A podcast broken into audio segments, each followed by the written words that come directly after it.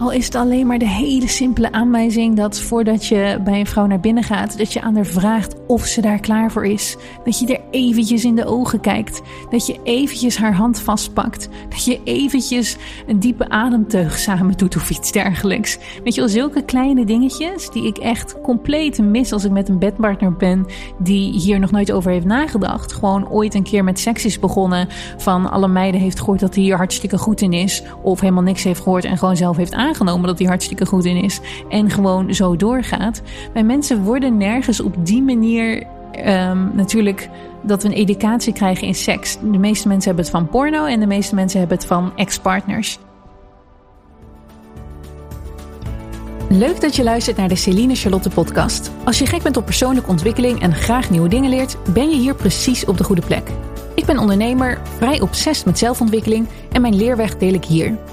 De meeste mensen kennen mij via Instagram of hebben een cursus van mij gevolgd van Sea Academy. Ik heb net een scootertocht van twee uur achter de rug. Ik kom uit de jungle in het midden van Bali van een tantra-kamp vandaan. En ik dacht, voor ik aan vriendinnetjes ga vertellen hoe het nou allemaal is geweest. Ik ben de hele week offline geweest uh, met vriendinnen en Instagram. Ga ik eerst alles in een podcast stoppen.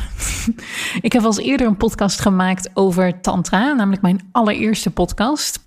En die heb ik net ook even teruggeluisterd om te horen wat ik daar nou eigenlijk allemaal in vertel en hoe open ik ben over mijn ervaringen. Nou, als allereerste, het was mijn allereerste aflevering podcast en ik hoor dat ik het een beetje spannend vind, een beetje zenuwachtig was. Plus, ik hou het betrekkelijk aan de oppervlakte. En ik dacht, misschien is het toch wel leuk om voor deze podcast, nu ik toch twee jaar ouder en wijzer ben, gewoon all out te gaan en te vertellen waarom ik nou eigenlijk zo gefascineerd ben door Tantra en minimaal één keer per jaar op een retraite ben waar ik iets van tantra doe. En wat doe je precies op een tantra kamp en wat is het nou? Nou, hoe kom ik toch altijd bij zulke dingetjes? Ik google. Dus dat is altijd het antwoord op vraag 1 die ik, uh, die ik erover te horen krijg. Meestal als ik in een nieuwe plek ben, of ik nou ergens op vakantie ben of ergens een tijdje woon, ga ik gewoon op zoek naar communities en dingen die mij interesseren, die ik leuk vind. En zoek ik letterlijk op Google dingen als tantra, de, de plaats waar ik ben, um, retraite, event. En voor wie het niet weet, een retraite, dat is een verzamelnaam. Je kan het ook retreat noemen. Van vaak iets van drie, vijf of zeven dagen, soms nog veel langer.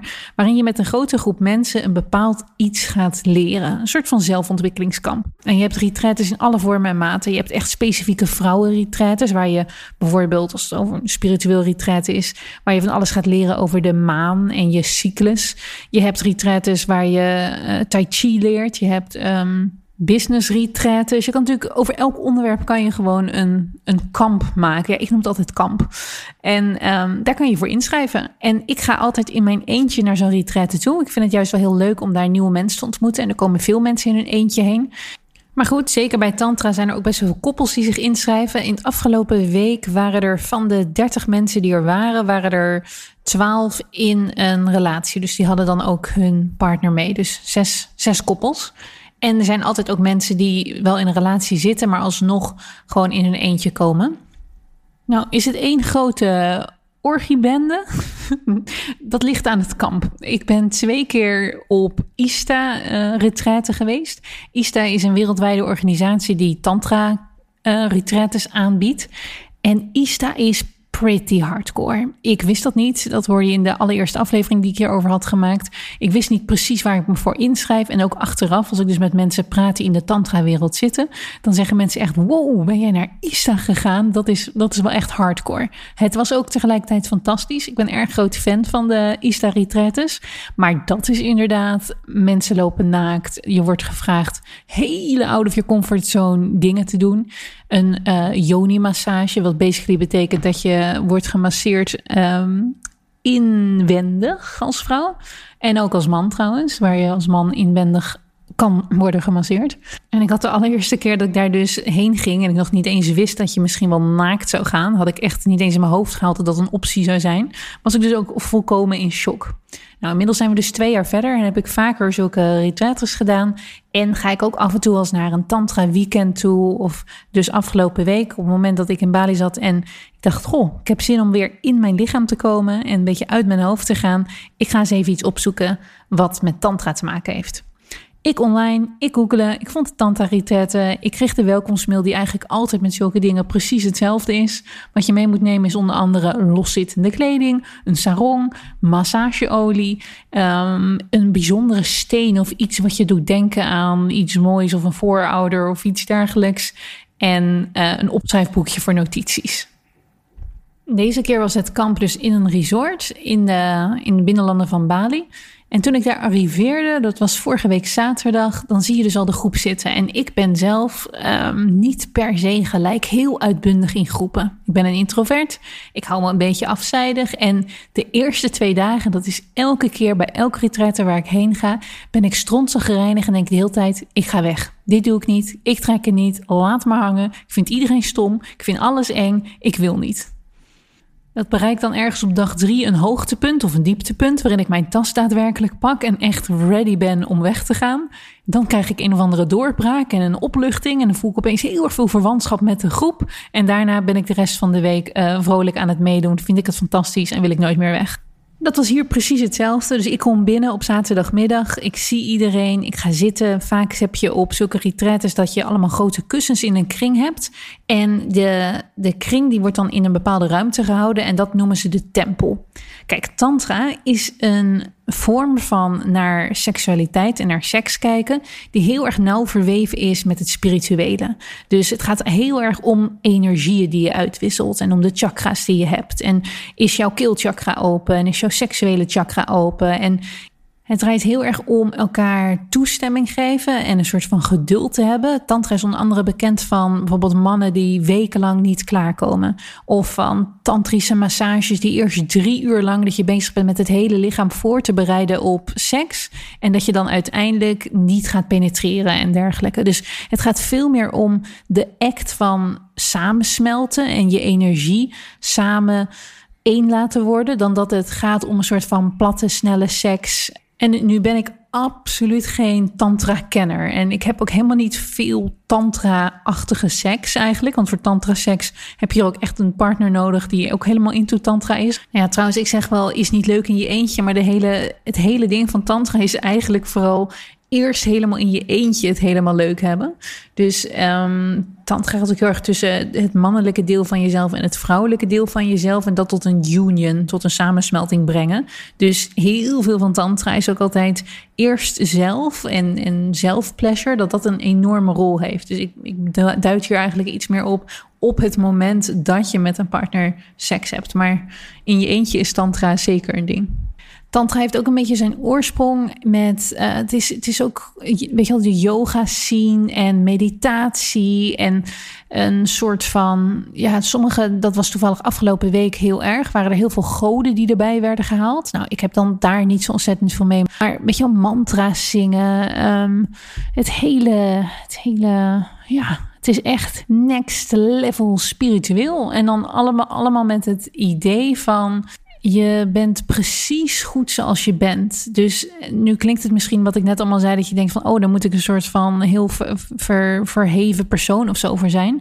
Ik vind het juist het lekkere aan seksualiteit zien in de tantra-traditie, meer dat je jezelf in, met, als je met een partner bent, um, meebrengt precies zoals je bent. En dat er dus juist heel erg wordt ingetuned op elkaars energie en of je ergens wel of geen zin in hebt of toestemming voor geeft. Dus ik heb best wel vaak sinds ik meer into tantra ben, dat ik gewoon een, uh, een bedpartner, dat ik die soms na twee minuten stop en zeg van, hey yo, gast, ho, ik voel hem even niet. Dus we zijn iets te snel gegaan. Of ik voel de energie niet. Of ik kan gewoon heel erg goed en veel beter mijn eigen grenzen aangeven. Waarin ik dus merk, ik vind het eigenlijk helemaal niet, niet zo ontzettend leuk. Of ik voel de connectie niet. Dus ik ga hier nu niet mee verder. Dat was trouwens een van de lessen die ik van de allereerste keer dat ik ooit met Tantra in verbinding, in contact kwam. Uh, vooral heb meegenomen. Dat jouw ik, ik dacht altijd vroeger in bed, dacht ik van nou, er zijn een paar harde boundaries. Een paar dingen die ik absoluut niet wil. En voor de rest mag een bedmarter in principe doen wat hij, wat hij leuk lijkt. Of wat hij fijn vindt. Of we zien wel hoe het gaat. En ik heb heel erg geleerd van tantra dat het niet gaat om jouw harde nee. Dat je die niet alleen moet weten. Maar ook vooral heel erg om wat is het wat jij wel graag wil. En al het andere, al het andere waar je een beetje onverschillig over bent, of het niet helemaal weet, of nog een beetje over twijfelt, of denkt, nou ja, vooruit dan maar dat moet eigenlijk een keiharde nee zijn, tot je echt zoiets hebt van yes, daar heb ik zin in. Dat je de energie meebrengt van, oeh, ik wil dit ook heel graag, ik doe dit met een intentie. Tantra seks draait heel erg veel om elkaars intentie leren herkennen, snappen en ook daar dus heel goed naar luisteren. Het is heel respectvol. En als je dit allemaal hoort en je denkt, oh, dat, dat, dat klinkt een beetje saai of zo. Het is dus ook wel echt, tantra is ook heel erg van de vrije seks. Dus heel veel mensen die hebben een, oh, hoe heet dat nou? Poly, polygamie? Nee. Een open relatie, dus meerdere bedpartners. Dat wordt ook heel erg vaak in, vooral in ISTA waar ik heen was, wordt dat echt gepromoot als de juiste manier van leven. Ik ben trouwens hartstikke monogaam voor iedereen die zich dat nu onmiddellijk af, eh, afvraagt. Maar het is wel zo dat seks wordt heel erg gezien als een integraal en superbelangrijk onderwerp van het leven, wat niet taboe hoort te zijn. Dat het je levensenergie is. En op het moment dat jij dus door jouw opvoeding of door gedachten die je hebt over seks of traumatische gebeurtenissen je afsluit voor die seksuele energie, zal dat in de rest van je leven ook doorcijpelen. En ik vind dat een hele leuke, originele manier van kijken. En ik geloof daar dus ook heel erg in. En bovendien, tantra mensen geven superleuke feestjes. ik ben één keer op een, um, een kamp geweest, ook weer, een retraite dus. Dat was drie dagen. Het was eigenlijk meer een festival. En dat was in de woestijn, helemaal hoog ergens in, bij de Dode Zee in Israël. En er waren allemaal zulke hele grote tenten en overal waren workshops bezig. In de ene tent was een workshop borstmassage bezig, waar vrouwen zichzelf een borstmassage gaven van twee uur. Heb ik meegedaan, vond ik fantastisch. Uh, in een andere tent waar, was er een tent waar je met allemaal zulke, oh ik weet niet hoe het heet, dat je zo seks hebt dat je wordt ingewikkeld in een touw. Er was daar een workshop over, heb ik ook meegedaan, vond ik ook fantastisch. Uh, er waren workshops voor mannen om hun mannelijkheid nog meer naar voren te brengen. Er waren workshops voor vrouwen, er waren gemengde workshops. En dan was het s'avonds een soort van, er waren overal grote vuren. En er waren, iedereen, de vrouwen waren heel mooi verkleed in allemaal zulke lange doeken en belletjes. En nou ja, echt fantastisch Midden-Oostenachtig. En de mannen hadden allemaal zo'n soort van halve lendendoek om. Het was echt net een sprookje uit Duizend en Nacht. En dan waren er overal tenten. En dat was eigenlijk basically wel gewoon dus één groot orgiefeest. Dus toen was het soort van vrije seks. En iedereen doet met iedereen wat hij wil. Zolang er dus maar altijd naar die grenzen wordt geluisterd. En goed op elkaar wordt gelet. En wat is de energie die je wil, et cetera. Oké, even terug naar afgelopen week. Afgelopen week was niet op zo'n manier. Dat um, festival dat ik net beschreef was ook weer van Ista dat was niet op zo'n manier um, met, met seks. Er was geen, dat noemen ze vaak temple night in de tantra-wereld. Dus als je van iemand hoort, oh, ik ga vanavond naar een temple night, weet je, die gaat naar een orgie night. En ik wil niet per se zeggen dat als je daarheen gaat, dat je dan echt daadwerkelijk seks met allemaal mensen hebt. Ik ben bij genoeg temple nights geweest waar ik met helemaal niemand seks heb. Ik heb überhaupt op de, op de twee Ista-kampen waar ik ben geweest, heb ik nog nooit seks gehad, omdat ik gewoon telkens niet zo in de mood was om seks te hebben. En als er ergens een moment is om dus heel erg naar je eigen grenzen en naar je eigen gevoel te luisteren, is het wel in zo'n week. Dat leer je gewoon, dat wordt er met de minuut ingehamerd. Dus ik ben daarin ook altijd gewoon heel erg trouw naar mijn eigen gevoel en waar ik wel of geen zin in heb. Alhoewel, seks is natuurlijk ook gewoon, ja, je hebt seks en seks. Bij, bij al die kampen is het bijvoorbeeld heel normaal om te masturberen. Dus om jezelf, mijn god, kan ik het allemaal in een podcast zeggen eigenlijk? Ja, ik doe het gewoon om jezelf aan te raken dat is in principe, en daar sta ik ook niet meer van te kijken, de eerste keer wel hoor. Maar dat is iets wat, wat een soort van doodnormaal wordt gezien. En als heel gezond en als heel oké. En ik was afgelopen zomer was ik naar een driedaags vrouwenfestival. En ook opnieuw, ook daar is gewoon dan een workshop. Waarin je dus met de vrouwen allemaal, heb je allemaal een matrasje. En dan heb je allemaal wel een soort van doek over je heen of iets dergelijks. Maar dan heb je gewoon twee uur lang een soort van masturbatie uh, ja, avond, kamp, ding, dat je dat samen gaat doen. Niet dat je aan elkaar gaat zitten. Ik bedoel, je bent alleen met elkaar, met jezelf bezig. Oké, wacht, ik, ik, ik, ga helemaal verstrikt nu in mijn verhaal al. Um, maar, maar waarom doe je dat? Om dus te leren, om bijvoorbeeld, dan is dus de opdracht van de, van de avond, om jezelf dus heel langzaam aan te raken. Om echt heel goed met, met je intentie bij je eigen lichaam te zijn. En niet een soort van heel snel willen doen of uh, gefrustreerd raken als het niet goed lukt of iets dergelijks. Maar dat je gewoon twee uur lang je focust op je eigen lichaam beter leren kennen. En ik besef nu dat hier zo nu in een podcast roept dat dat misschien voor heel veel mensen als heel erg vreemd en weird kan overkomen. Maar voor mij is dat inmiddels na zoveel uh, ervaringen met de tantra is dat al wel echt een heel normaal iets geworden. Ik kijk niet op als ik in een zaal zit, een tempel, een, een tantra-tempel, waarin in een hoekje twee mensen een soort van waarschijnlijk een of ander valleiorgasme hebben aan hun geluiden te horen. Dat in een andere hoek twee mensen alleen maar gewoon een beetje zitten te knuffelen. In een andere hoek zit iemand keihard te schoppen en te gillen tegen een kussen aan. En even verderop zit iemand um, in een diep meditatieve trance uh, een, een liedje te zingen. dat zijn dingen die, ja, die zijn voor mij nu vrij gewoon als, die worden als normaal gezien.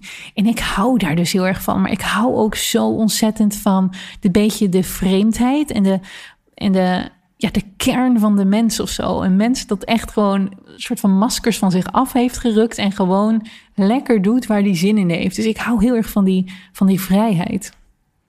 Oké, opnieuw even terug naar de kern van mijn verhaal. Afgelopen tantra-kamp. Dit was het braafste kamp waar ik ooit ben geweest. Hoe dit was georganiseerd is dat je elke dag heb je een bepaald chakra waar je aan ging werken. Dus je begint met de root chakra. En een chakra is voor iedereen die dat niet weet, dat zijn energieknooppunten in je lichaam. Niet iedereen gelooft daarin, helemaal prima. Ik geloof er wel in. En daar komen heel veel van de energiebanen die door je lichaam lopen en waar jij ook bijvoorbeeld levensenergie door hebt, stromen en dergelijke, die komen daar samen. Dus als je bijvoorbeeld acupunctuur, die gebruikt toch zulke naalden om in je lichaam te steken, die maken dus ook gebruik van de chakra's. Dus dat is ook een eeuwenoude traditie natuurlijk, die, um, nou, die door heel veel mensen wordt geloofd, door heel veel andere mensen niet wordt geloofd. Ik vind het zelf altijd een hele fijne manier om ook in mijn lichaam een gevoel te kunnen beschrijven aan de hand van: oké, mijn keelchakra doet. Weet je al zit vast of iets dergelijks. Dus wat is er wat ik eigenlijk niet durf uit te spreken? Of mijn sekschakra die zit de laatste tijd op slot. Ik zou eigenlijk meer aan self-love moeten doen, zodat mijn sekschakra weer wat meer gaat openstaan. Dus ik geloof met veel van deze dingen ook heel erg dat het gewoon heel op een mooie manier woorden geeft aan gevoelens die je, die je hebt of ervaart. Net zoals bijvoorbeeld, en dat is ook iets wat in de tantra-wereld en in de spirituele wereld heel veel wordt gebruikt. Het gebruik van een archetype. En een archetype is bijvoorbeeld dat je naar jezelf refereert als de, de witch in, in mijzelf denkt dit of dat. Of de heilige maagd in mij denkt zus en zo. Of de koningsrol is dit of dat. En iedereen die ooit wel eens naar een beetje een spiritueel retraite is gegaan, die weet precies nu waar ik het over heb. Want je moet dan heel vaak op zulke, op zulke retraites, en dat moest ik afgelopen week ook doen, moest je dan een bepaalde rol aannemen van oké, waar in jou zit bijvoorbeeld de meest sletterige persoon, dus de, de, de wilde vrouw bijvoorbeeld. Waar in jou zit het uh, masculine, de, de mannelijke kant. Nou, en wij hadden dus elke dag één chakra waar we aan werkten. En dat begon bij de root chakra, helemaal onderaan, en eindigde dan helemaal bij het hoofdchakra. En op zo'n retreat is er eigenlijk altijd sprake van een strak schema. Logisch natuurlijk, want je hebt een hele groep. En wij begonnen elke ochtend om acht uur met een uur lang dansen. Onder begeleiding van iemand die werkelijk fantastisch kon dansen. Die is een, een zelf dansacteur en natuurlijk, en dat zijn de meeste mensen die bij zo'n kamp zitten, ook iets van sexual healer of weet ik veel wat. Maar hij danste geweldig en hij liet ons als groep, deed hij dus continu dansoefeningen met ons. Iedereen die mij langer volgt weet dat ik sowieso gek ben op aesthetic dance dance. En aesthetic dance is een manier van dansen, een hele vrije manier van dansen, waarop iedereen altijd nuchter, zonder te praten, beetje danst op de manier waarop hij maar wil. Op spirituele muziek, um, als je geen idee hebt wat voor soort muziek ik het over heb, als ik, als ik dit zeg, ik heb een playlist. Als je bij Celine Charlotte gaat zoeken op Spotify, heb ik daar ergens een playlist die heet Salome. En zulk soort muziek, een beetje spiritueel, maar vaak met nog meer een beat erin. Dat hoor je op aesthetic dance parties. Die dansparties worden ook gewoon trouwens in Nederland overgegeven. In Amsterdam ging ik heel vaak aesthetic dansen. Hier in Bali, waar ik nu zit, doe ik dat ook. En op zo'n kamp wordt er ook altijd heel veel gedanst. Nou, de allereerste dag dat we bij elkaar kwamen, was, begon het ook uh, met dansen. En dan wordt er bijvoorbeeld dus geroepen van... oké, nu moet je je innerlijke dier gaan verbeelden. En dan, en zeker aan het begin, als ik zo'n groep nog niet goed ken, denk ik, oh god, daar gaan we. Oké, nou, wat zal ik doen? Ik doe wel een leeuw na. En dan ga ik dan op mijn handen en mijn knieën, ga ik zo een beetje heen en weer zitten kruipen. En dan denk ik ondertussen, wat de fuck, wat de fuck, wat de fuck. Maar ja, sommige mensen zijn er heel erg in toe. Andere mensen zijn net zoals ik zwaar ongemakkelijk en denken, oh my god, ik wil weg. Maar het wordt altijd ongemakkelijker. En dat vind ik ook het heerlijke aan zo'n retraite. Het sleurt me echt uit mijn comfortzone. Want dan heb ik net een beetje comfort gevonden in rondkruipen als een leeuw. Zeggen ze daarna: Oké, nu ga je een partner zoeken, een ander dier, en ga je samen dansen. Ga maar. En dan moet je dus naar een onbekend ander, want je kent natuurlijk nog helemaal niemand aan het begin van de groep, onbekend ander mens toekruipen, die bijvoorbeeld een papegaai is. En dan ben je dus om elkaar heen aan het kruipen als dier. nou, andere dansoefeningen waren dat je bijvoorbeeld je levensverhaal moest uitdansen. Of dat je moest gaan dansen op een bepaald, weet je wel, dat je je emoties gaat uitdansen. Hoe dans je als je verdrietig bent? Hoe dans je als je blij bent? En het is in zo'n groep zit er altijd, en ik heb nog niet gehad over wat voor soort mensen meestal naar zulke, naar zulke retretes komen. Het zijn vaak tot nu toe, eigenlijk altijd bij alles waar ik ben geweest, zijn het mensen tussen de ongeveer 21 en de 40 jaar. En als ik het type zou moeten omschrijven, zou ik zeggen: denk aan Tarzan voor een man. Half lang haar in een knotje, een beetje baardgroei, uh, gespierd, zorgt goed voor zijn lichaam, eet uiteraard alleen maar vegan, heeft als kleding een soort van losse joggingsbroek aan, is niet bang om op een bepaalde oefening ook uh, in vrouwenkleding te moeten verschijnen, vaak tattoos, uh, ja, ja, dat zou de man een beetje omschrijven. Vrouw eigenlijk een beetje hetzelfde. Type yoga-docent, heeft mooie zwierige kleding en jurkjes. Vindt het niet erg om topless rond te lopen. Um, onder de tatoeages vaak ook. Definitely vegan. En allebei natuurlijk extreem geïnteresseerd in zelfontwikkeling. En ik heb gemerkt dat qua wat mensen doen, ongeveer 70% van zo'n groep bij Tantra doet zelf iets in het spirituele healer yoga circuit. Dus ze zijn zelf uh, massagetherapeut of dus yoga docent of geven sexual healing of zijn bezig met um, nou ja, de planeet op een bepaalde manier meer conscious maken. Ik heb volgens mij nog nooit ben ik iemand tegengekomen die niet ZZP'er of ondernemer was. En dat is eigenlijk de andere groep mensen die je er vindt. Dat zijn de verveelde businessmensen waar ik mijzelf maar even voor het gemak onderschaar. Die gewoon heel nieuwsgierig zijn naar, naar zulke dingen. Van de groep van afgelopen week viel op dat er veel online ondernemers waren. Veel zitten in de crypto, veel zijn bezig op het gebied van mindset ook. Dus het zijn natuurlijk allemaal mensen die in principe nieuwsgierig zijn naar wat er allemaal nog uit hunzelf te halen valt. Iedereen is geïnteresseerd in zelfontwikkeling. Dat is denk ik ook waarom ik best wel goed met, met de tantra-wereld kan. Alhoewel het mij soms allemaal iets te zweverig en conscious en uh, spiriwiri knuffelig is. Dat ik soms even kan gillen. Dat ik denk van, nu wil ik gewoon even iemand die niet langzaam tegen me aankomt kruipen en me gaat aaien en zegt: En hoe is het nou met je? Maar um, ik heb zin in een, in een burger en frietjes en, uh, en een vijf sterren hotel nu. Maar goed, nou, na dat eerste uur dansen, dus van 8 tot 9 ben je aan het dansen, had ik niet altijd zin in hoor. Als ik dan wakker word en dan werd ik om 7 uur wakker en dan wist ik, oké, over een uur moet ik staan te daggeren ergens waarschijnlijk. En moet ik weer een, een of andere bizarre oefening doen met een wild vreemde die ook zijn ochtendadem in gezicht zit te blazen. Eh, maar aan de andere kant, het is zo'n ontzettend fijn iets ook weer om een dag te beginnen met dans, omdat ik dat normaal niet doe. Ik ga normaal niet een uur dansen in mijn eentje. En omdat er dan toch een groepsdruk is en je zit in een programma, je hebt gecommitteerd om dat te gaan doen, lukt het mij dus om daar bijna elke dag om acht uh, uur te staan en een uur met mijn heupen te gaan bewegen op, uh, op de meest bijzondere muziek.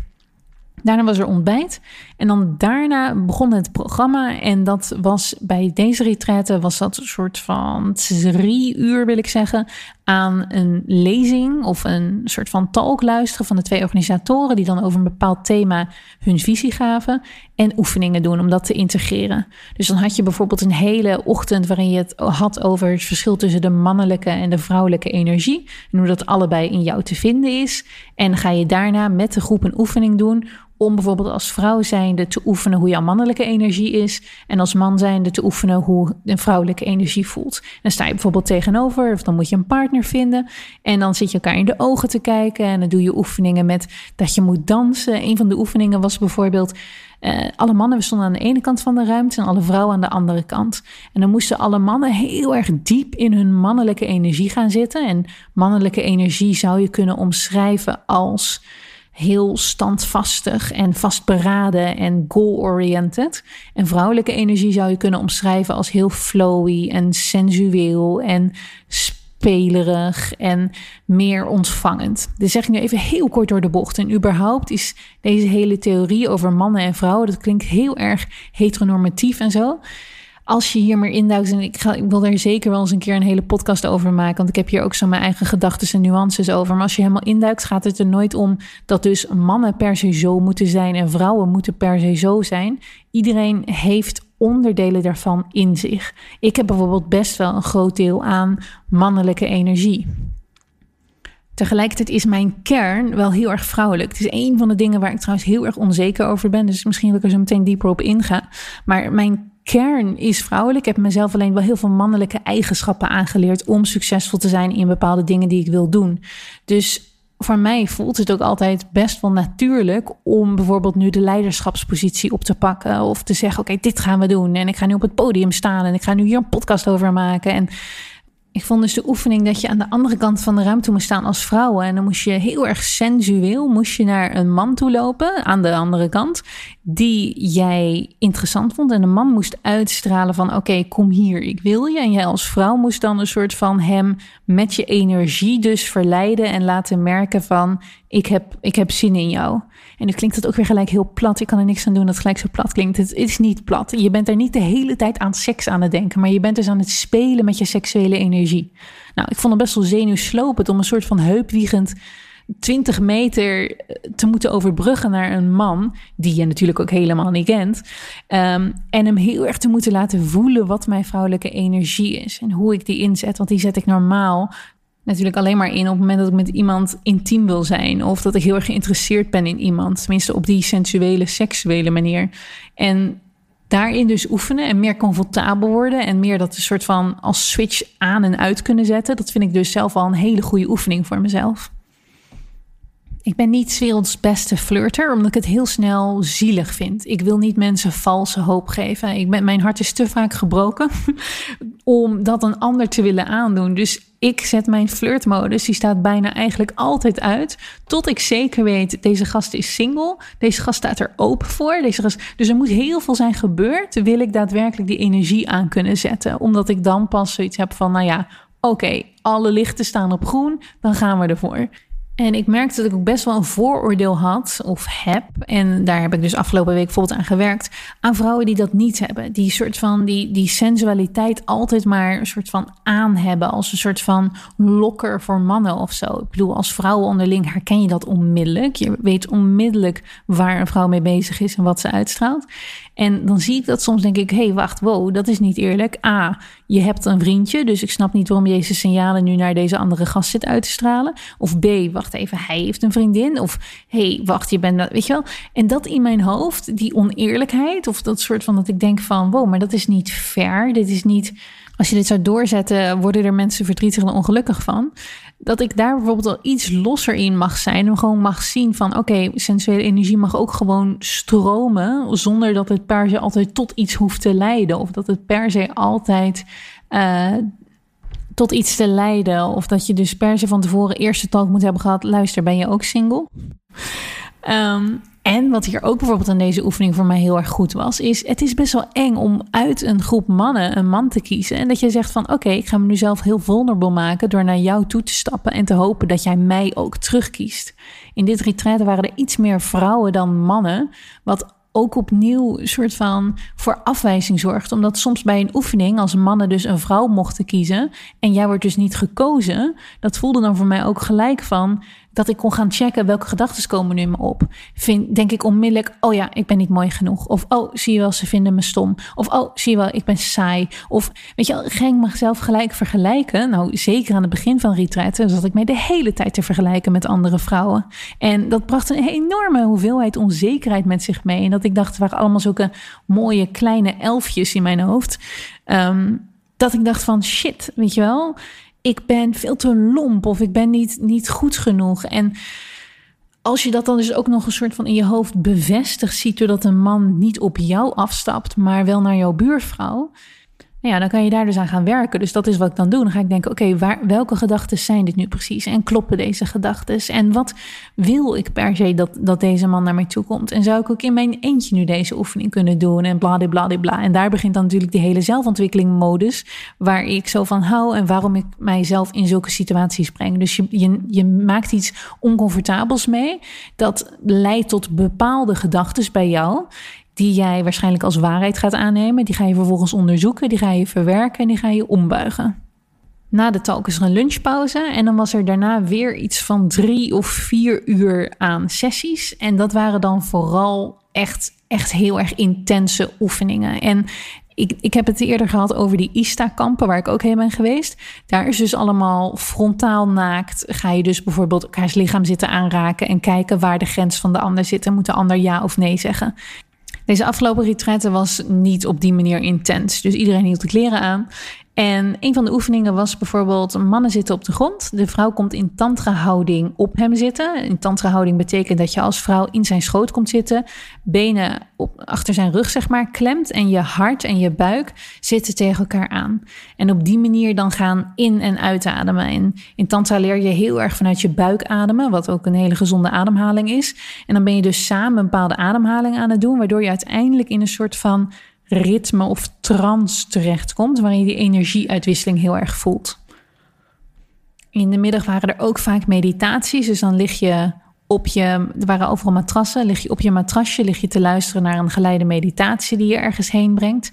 Er waren veel oefeningen ook rondom emoties en dat is ook bij de ISTA zo op het moment dat jij dus heel erg bezig gaat met je seksuele energie, komen er voor iedereen bepaalde triggers naar boven. En het hele doel van zo'n kamp is, daarom ga ik er zo graag heen, om uit je hoofd te komen en in je lichaam.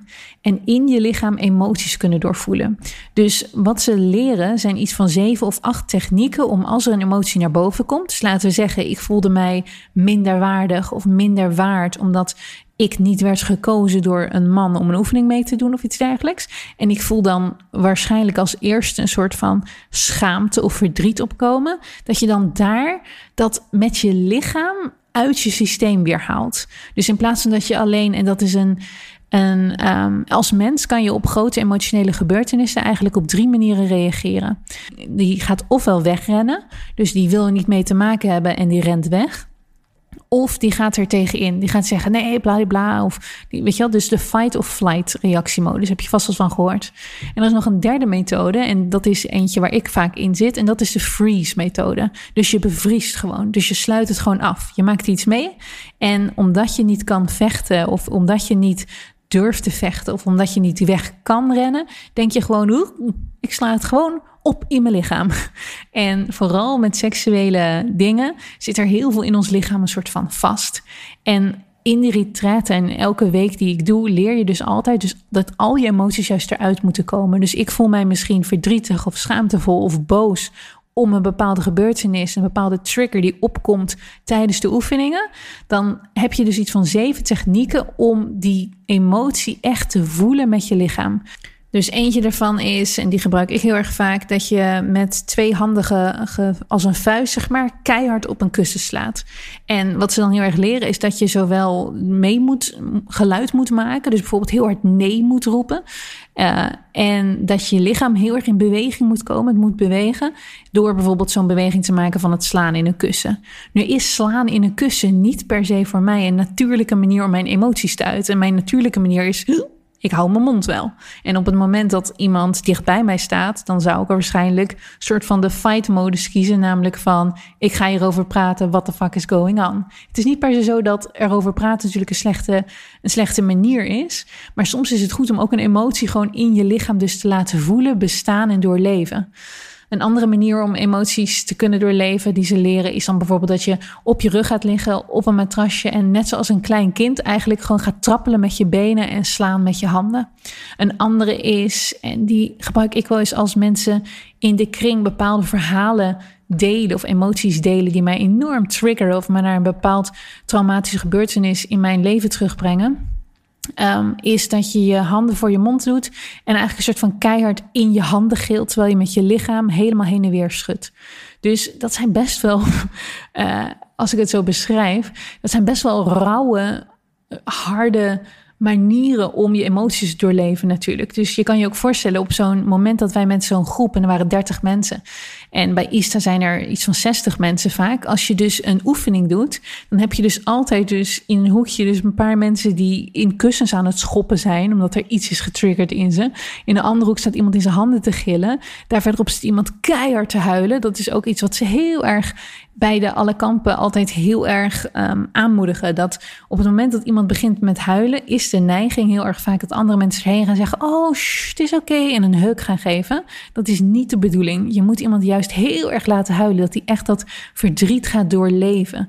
En liever dat je dan gewoon alleen erbij in de buurt gaat zitten of iets dergelijks. Maar nooit zeggen van, oh, dit is oké. Laat ze huilen. Laat ze dat verdriet voelen. Want hoe meer je dat laat voelen door je lichaam, hoe meer je die emotie kan loslaten, hoe sneller het ook daadwerkelijk uit je lichaam is en niet wordt opgeslagen.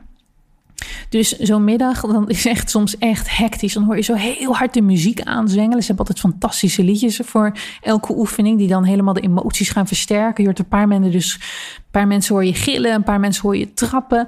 Ik kan ook echt wel op zo'n moment dus opeens bij emoties komen die ik dan heel erg lang heb onderdrukt. En dat ik dan dus kaart in zo'n kussen zit te schoppen. En dan denk ik, Charlotte, wie ben je? Weet je wel, dit is zo'n dit is zo'n andere manier van uiten dan dat jij ooit doet. En ik vind juist dat ook heel bevrijdend om dat dus zonder oordeel daar te kunnen doen. En zonder dat er mensen zijn die zeggen: Charlotte, niet zo hard. Of ga je niet aanstellen. Of ik mag al die emoties, zeg maar, voelen. Nou, dan is er vaak nog een soort van sharing moment, waarop je dus met z'n allen gaat vertellen wat de opdrachten met je hebben gedaan. En dan hoor je weer van allerlei nieuwe standpunten erover. Dan is het avondeten en daarna, na een pauze, is er de, de avondceremonie. En bij Ista was het dus altijd, ja, ja, dat waren vaak de temple nights, hoe ze dat dus noemden. Dus dan was er één hoek van de van de ruimte was bijvoorbeeld beschikbaar voor mensen die wilden knuffelen. Eén hoek van de ruimte voor mensen die echt seks wilden hebben. Eén hoek van de ruimte voor mensen die vooral wilden praten. Eén hoek voor masseren. En de allereerste keer dat ik toen, ik had natuurlijk, ik was zo naïef. Ik had natuurlijk ik was helemaal in shock toen bij ISTA dat, je dus, dat er dus naakte mensen waren. En daarna was ik in shock over de oefeningen die je daar moest doen. En toen ik dus s'avonds die Temple Night inkwam, dacht ik gewoon nog: Temple Night, oké, we zullen misschien met een kaarsje een of ander bijzonder ritueel gaan doen. En toen ik dus merkte dat het een soort van orgie night was, was ik dus ook weer even helemaal in shock. Maar goed, dan ben je na twee avonden ook wel aan gewend. De avonden van dit tantra-kamp waren helemaal niet zo. Het waren dus geen temple nights. Um, het waren wel vaak de iets meer sensuele oefeningen. Dus bijvoorbeeld de allereerste avond moesten alle mannen in een binnenste kring zitten en alle vrouwen erbuiten. En dan moest je om de 10 minuten moest je telkens van man of vrouw wisselen. Dus ik zat eerst tegenover man A. En dan was de oefening bijvoorbeeld: kijk elkaar in de ogen en vertel wat je in de ander ziet qua mooie eigenschappen in, bij de oefening bij man B was: raak elkaar aan op de arm, net zolang tot de ander. Um, en de ander moet aangeven wat hij wel of niet lekker vindt. Volgende oefening was geloof ik iets met... Oh ja, ze hadden een bakje fruit onder andere ook. En dan moest de enige blinddoekt of met de ogen dicht uh, zitten. En de ander moest dan op een sensuele manier fruit en chocola voelen en uh, voeren. En dat ging dan om je senses of zo. Ik weet niet meer precies. Ik vond vooral de chocola erg lekker. Ik had een honger als een paard. Um, en je schrijft dus telkens op van partner. En toen zat ik tegenover een jongen en toen was de opdracht... Uh, je moest dan weer in de tantra-houding zitten. Dus dan zit je een soort van tegen elkaar aangeklemd. En dan was de opdracht om in elkaars oor... de meest geile fantasie te fluisteren die je hebt. Iets dat je normaal niet zo snel met iemand zou durven delen. Kijk, die oefening was voor mij bijvoorbeeld, ik ben gek op verhalen. Dus die was voor mij hartstikke leuk. Ik denk dan alleen maar, oké, ik hoef niet bang te zijn om afgewezen te worden. Het is een speelveld. Deze gast, ik bedoel, hartstikke knappe kerel. Maar het is niet zo dat ik um, hem natuurlijk leuk vind of bepaalde plannen met hem heb. Het enige wat ik hier aan het doen ben, is een soort van exploreren. Of noem dat? Onderzoeken wat het met mij doet om bepaalde fantasie te vertellen. En uh, ik kan het zo ver vernemen als ik zelf wil. Die jongen had een hele brave fantasie aan mij verteld. over een stewardess. En ik ging helemaal los bij hem. En hij zei ook, oké, ik had jou eerst moeten laten gaan. Ik wist niet hoe into deze oefening jij was. Maar dit klinkt heel erg goed. En dat, dat, soort, dat soort spelen met sensualiteit, ja, dat vind ik dan dat vind ik hilarisch. Maar je zit natuurlijk ook af en toe tegenover een man waarmee je niet zo ontzettend veel hebt. En dan is het weer een hele goede oefening om te kijken waar liggen mijn boundaries? Wat wil ik wel, wat wil ik niet? Dat is één jongen en ik had gewoon qua energie hadden we gewoon een enorme mismatch. En elke keer als hij ook maar twee meter van mij af ging zitten, kreeg ik al een beetje een soort van de kriebels en verstijfde ik. En had ik zoiets van: oké, nee, geen oogcontact maken. Ik heb geen zin hierin. Dus toen ik tegenover hem zat en de oefening was, geloof ik, wat moest je doen? Volgens mij aan elkaar laten merken door middel van lichaamstaal um, waar je behoefte aan had of iets dergelijks. Dan is dat voor mij dus weer een hele goede oefening om op mijn grenzen te letten. En hoe ver wil ik gaan? En ben ik nu dingen aan het doen omdat ik het anders zielig vind voor hem? Wat een van mijn grote triggers is. In de zin van: ik heb heel erg vaak, veel te vaak, dat ik dacht van, nou, weet je, ja, het is ook wel zielig als ik nu niet met je naar bed ga. Of ja, nu hebben we al de hele avond gespendeerd. Ik kan nu moeilijk zeggen, laat maar, ik voel hem niet helemaal. Dus dat heb ik gelukkig inmiddels allemaal afgeleerd. Of allemaal, dat gaat echt nog wel een keertje fout af en toe. Maar voor een groot deel ben ik dat wel ontgroeid, die onvolwassenheid in mijn eigen grenzen aangeven in seksualiteit. Maar op zo'n moment is het weer voor mij een hele mooie reminder van: oké, luister naar je intuïtie. Er is blijkbaar hier iets wat niet helemaal fijn voelt. Dan ga je dus niet vol mee in de oefeningen. Ga je dat bespreekbaar maken. En een van de mooie dingen is altijd dat alles is bespreekbaar. En elke keer als iemand zegt nee of ik wil dit niet, dan zou de ander moeten zeggen: Dankjewel voor taking care of yourself. Dus dankjewel dat je op jezelf let. Dankjewel voor deze grens aangeven. Er kan niet zoiets zijn dat iemand boos wordt omdat jij een grens aangeeft. En dat maakt het zo ontzettend veilig om dus elke oefening te doen. Je bent continu op jezelf aan het letten. Hoe voel ik me hierbij? Vind ik dit fijn? Vind ik dit leuk? En dan ontdek je dus af en toe nieuwe dingen die je interessant vindt. Of een bepaald powerplay wat je interessant vindt. Of een bepaalde energie met iemand die je helemaal niet had verwacht. Er waren mensen bij waarvan ik in het begin zoiets had van nou, ik weet niet, is ook niet gelijk onmiddellijk tot zijn aangetrokken of iets dergelijks. En dan aan het eind van de week denk ik, wat een fantastisch mooie mensen. Wat hebben wij mooie momenten gedeeld. En mooie momenten bedoel ik hier wederom voor jullie allemaal denken dat ik elke avond seks heb gehad. Dat heb ik niet. Ook bij deze keer heb ik bij het kamp weer geen uh, seks gehad. Dit was ook echt letterlijk een heel mellow kamp hoor. Dus dat werd dus ook niet per se gestimuleerd of zo. Er is geen temple nights. Maar ik bedoel gewoon mooie energieuitwisselingen met mensen.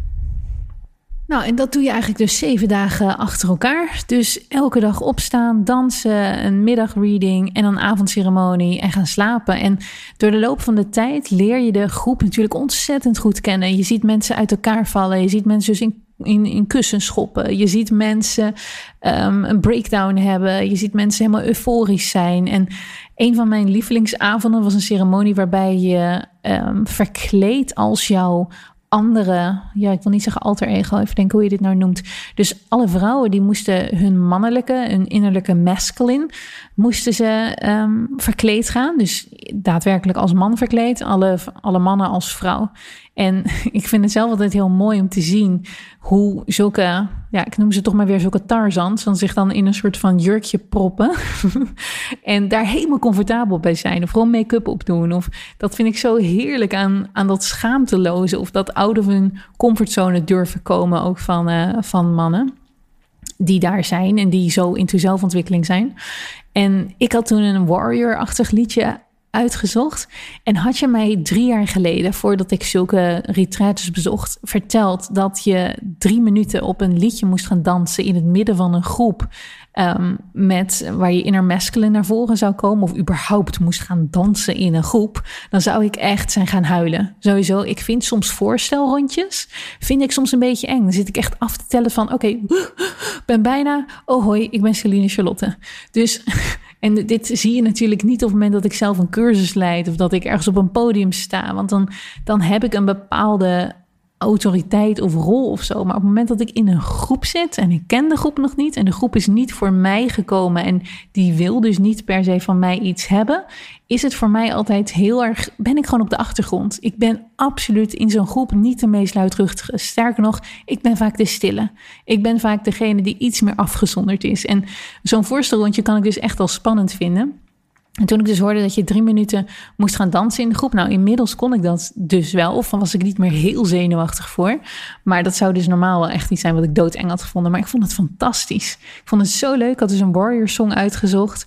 En ik heb me, ik heb me gedanst alsof mijn leven ervan afhing als uh, warrior. En ja, ik vond het, ja, ik dacht echt, nou, dit is ook weer heel erg bevrijdend en een nieuwe manier en een nieuw verhaal wat ik mezelf mag vertellen. In plaats van het verhaal vertellen van mezelf van, nou, je bent te verlegen om te dansen in een groep. Ik vond het geweldig om te dansen en dat iedereen naar me keek en dat het allemaal, ik voelde echt een soort van, een soort van power uit die dans komen of zo. En dat je echt dus emoties kan dansen. Ik had nooit gedacht dat ik het ooit zou kunnen.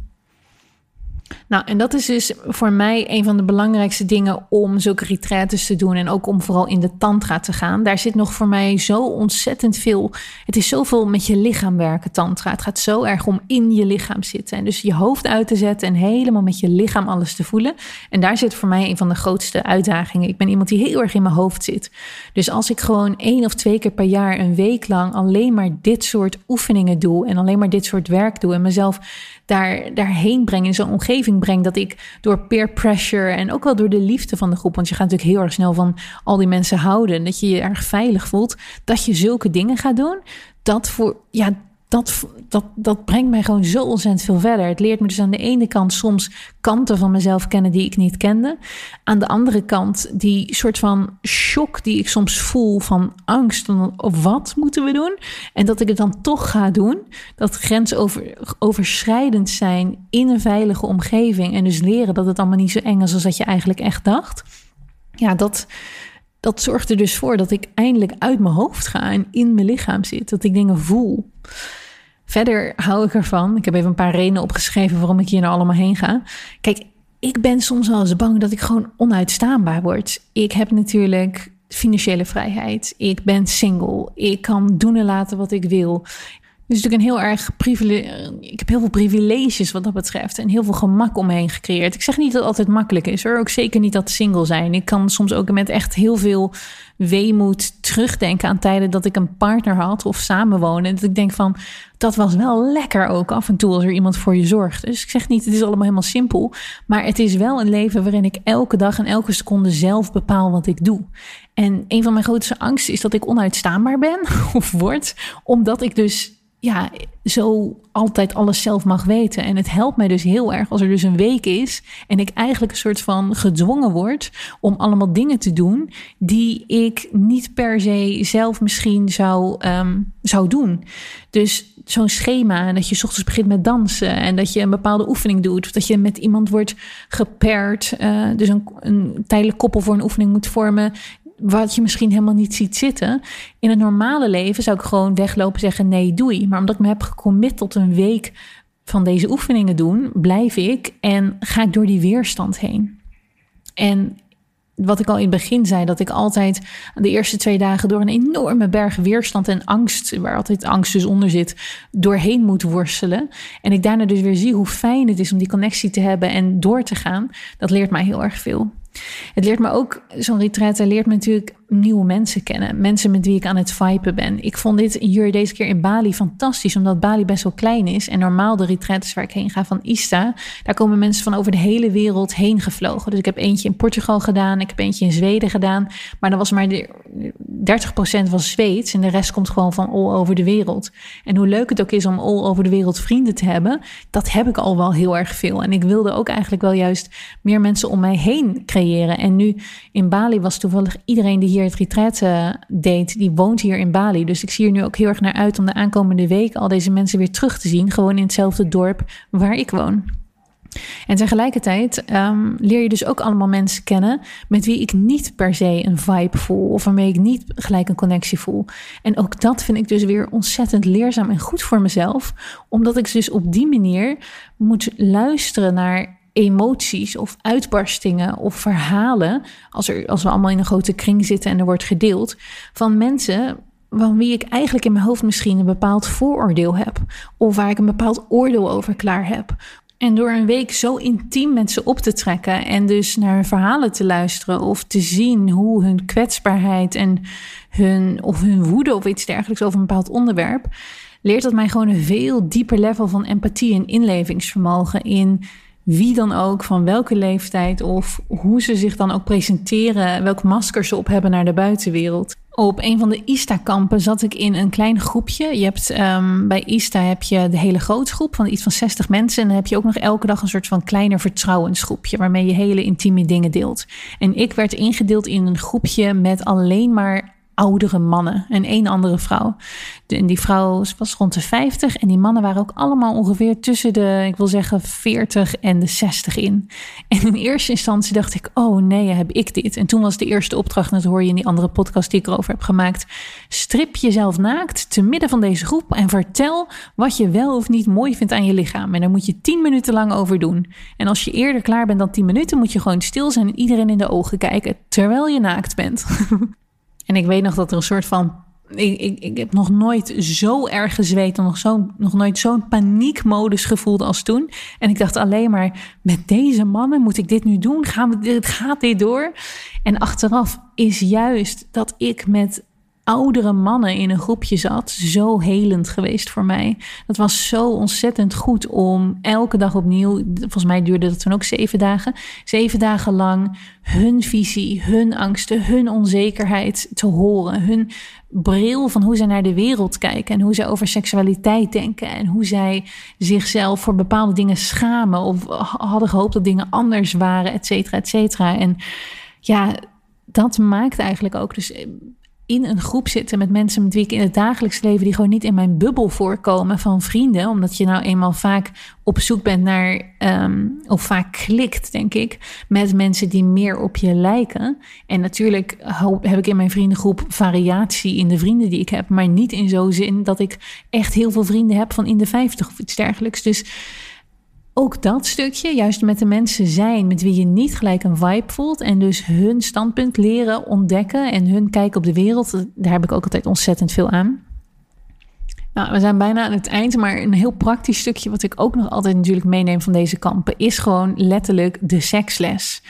Ik bedoel, ik zou willen dat iedereen dit gaat doen of iedereen er meer over leest. Wat zou dat ontzettend heerlijk zijn als bedpartners gewoon iets meer verstand hebben van wat ze nou in vredesnaam aan het doen zijn. En ik bedoel eigenlijk niet het uh, leer een blowjob geven les of uh, leer hoe de female, uh, hoe een female orgasme werkt les in. Maar meer het hele, weet je wel, als, als man zijnde bijvoorbeeld, een soort van die dierlijke energie die er soms in zit, een soort van die haast of die, ja, een beetje dat primal. Ik bedoel, super, super aantrekkelijk, fantastisch, maar weet het te doseren, weet het op het juiste moment erin te brengen en niet te snel en niet een soort van.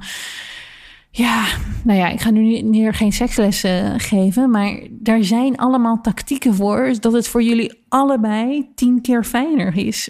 Al is het alleen maar de hele simpele aanwijzing dat voordat je bij een vrouw naar binnen gaat, dat je aan haar vraagt of ze daar klaar voor is. Dat je er eventjes in de ogen kijkt. Dat je eventjes haar hand vastpakt. Dat je eventjes een diepe ademteug samen doet of iets dergelijks. Weet je wel, zulke kleine dingetjes die ik echt compleet mis als ik met een bedpartner ben die hier nog nooit over heeft nagedacht. Gewoon ooit een keer met seks is begonnen van alle meiden heeft gehoord dat hij hier hartstikke goed in is. Of helemaal niks heeft gehoord en gewoon zelf heeft aangenomen aangenomen dat hij hartstikke goed in is en gewoon zo doorgaat.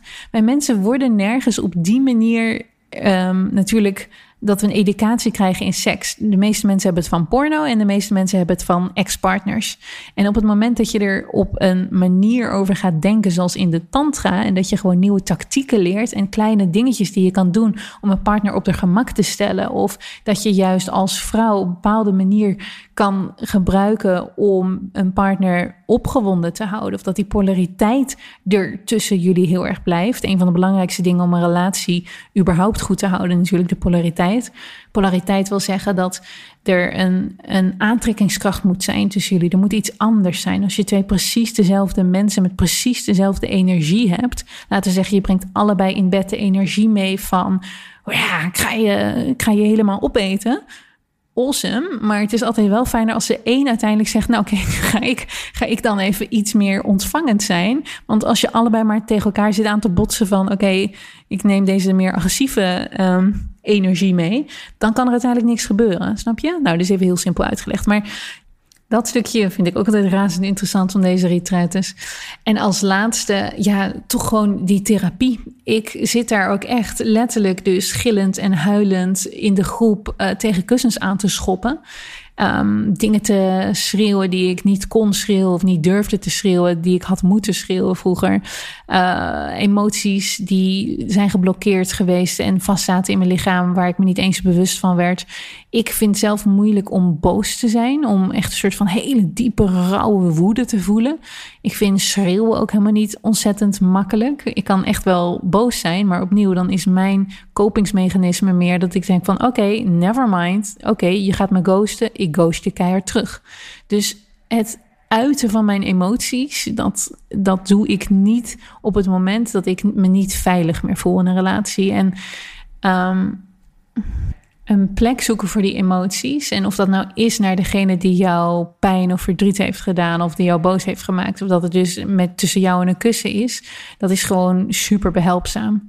Hiervoor hoef je trouwens helemaal natuurlijk niet per se op zo'n retreat hoor. Er zijn ook allemaal boeken voor, zoals uh, The Body Keeps the Score, heet die geloof ik. En ik lees er ook veel boeken over, maar voor mij voelt het heel erg om in week lang in zo'n therapieomgeving te zitten, waar tranen worden gevloeid en wordt geschreeuwd en je alles mag zijn wie je maar wil zijn en alles eruit mag gooien wat je maar wil, voelt gewoon heel erg cathartic.